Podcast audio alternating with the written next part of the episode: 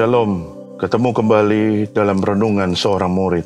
Kita bersyukur kepada Tuhan karena hari ini kita masih bisa bangun dengan tubuh yang kuat dan sehat. Dan kita bersyukur karena semua itu adalah anugerah yang daripada Tuhan.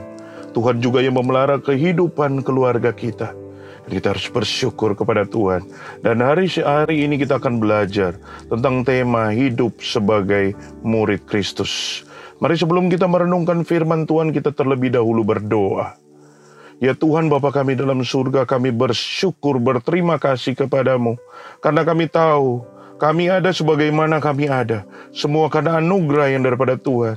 Dan oleh karena itu ya Tuhan kami berdoa, bila Engkau memberkati kami hari ini dengan firman-Mu dan firman-Mu boleh menguatkan kami, boleh menghibur kami, boleh meneguhkan iman kami dan boleh memberkati kami.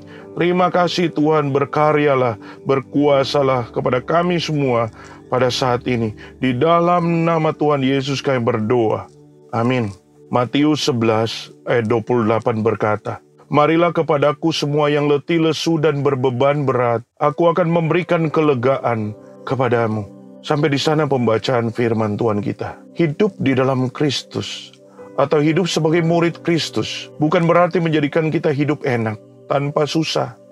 Hidup sehat tanpa sakit, hidup dalam kesenangan tanpa penderitaan, sukses tanpa kegagalan, ataupun hidup berkelimpahan tanpa kekurangan. Memang benar, Matius 11 ayatnya 28 Tuhan Yesus berkata, Marilah kepadaku semua yang letih lesu dan berbeban berat. Aku akan memberikan kelegaan kepadamu. Ayat ini memberikan ketenangan, kedamaian, sukacita bagi setiap orang yang membacanya. Namun ayat ini tidak mengatakan bahwa Tuhan menghilangkan segala beban kita. Bahkan ayat ini dilanjutkan dengan ayat 29 yang berkata, Pikulah kuk yang kupasang.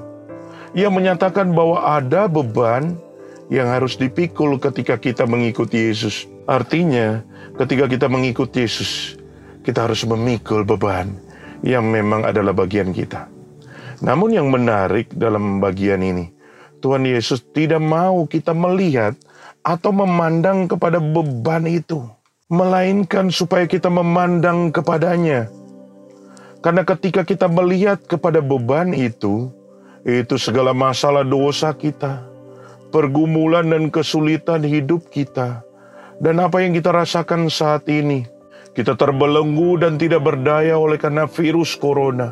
Maka kita sering kali menjadi khawatir dan takut akan hidup ini. Kita menjadi khawatir dan takut akan hidup keluarga kita. Dan atas kelangsungan usaha pekerjaan kita.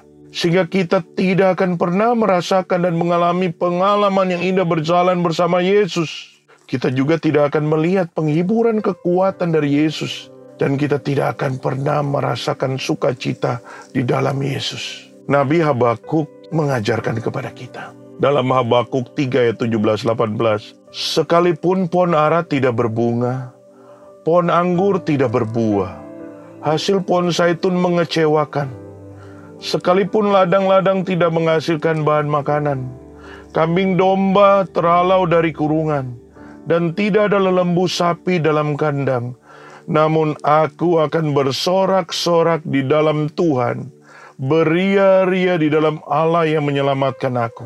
Nabi Hakebakuk mau menyatakan bahwa apa pun yang dialami, yaitu kondisi yang buruk, kehilangan, dan tidak ada apa pun, namun kehadiran Tuhan bersama dia membuat dia bisa bersorak-sorak dan beria-ria di dalam Tuhan. Dia tetap melihat kepada Tuhan. Dia memandang kepada Tuhan yang adalah sumber penghiburan dan sukacita. Dan bahwa di dalam Tuhan ada kekuatan dan keselamatan. Dia melihat di dalam anugerah Tuhan. Dia bisa melihat segala kebaikan Tuhan yang Tuhan nyatakan di dalam kehidupannya. Dan itu berarti kehidupan bersama dengan Tuhan adalah menjadi utama bagi dia. Kehadiran Tuhan bersama dia membuat dia mengalami kekuatan. Dia melihat dan memandang kepada Tuhan yang adalah sumber penghiburan dan sukacita yang sejati. Tuhan Yesus berkata, Marilah kepadaku semua yang letih lesu dan berbeban berat. Aku akan memberikan kelegaan kepadamu. Tuhan Yesus mengajak kita untuk tidak memandang kepada dunia dan apa yang terjadi di sekitar kita, melainkan kita memandang kepada Kristus, bahwa kehadirannya itu lebih dari cukup, bahwa pribadinya itu adalah lebih daripada segala sesuatu. Bahwa kemuliaannya itu lebih dari apa pun yang ada dalam dunia ini, maka kita akan mengalami kelegaan. Lagu KPPK 174 memberkati saya yang berjudul Pandanglah pada Yesus. Lelah dan susah kejiwamu serta gelap gulitaka Pandanglah terang juru selamatmu, hidupmu kan bahagialah. Pandanglah pada Yesus, pandanglah wajah mulianya. Di dalam terang kemuliaannya. Dunia akan menjadi hampa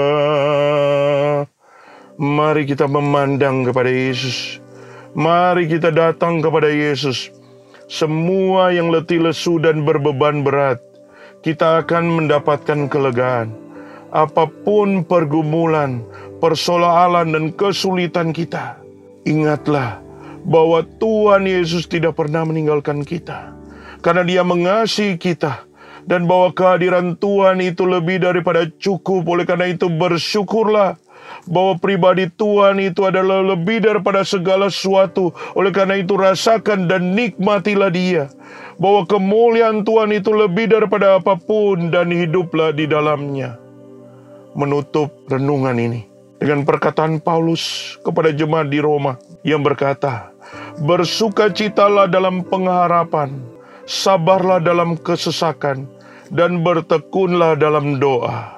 Tetap percaya, tetap jaga kesehatan, tetap semangat. Tuhan Yesus memberkati kita semua. Amin. Mari kita berdoa. Tuhan Yesus terima kasih untuk firman-Mu yang kami dengar. Biarlah kami terus boleh memandang kepada Engkau, sehingga dari sanalah kami boleh mendapatkan kelegaan, karena hanya kepada Tuhan ada kekuatan, hanya kepada Tuhan ada keselamatan, hanya kepada Tuhan ada penghiburan, hanya kepada Tuhan ada sukacita, ada keteguhan iman. Dan kepadamu kami datang, dan kepadamu kami memandang. Berkati kami semua, biarlah kami ya Tuhan, boleh terus merasakan dan boleh mengalami Engkau di momen-momen seperti ini. Di dalam nama Tuhan Yesus kami berdoa. Amin.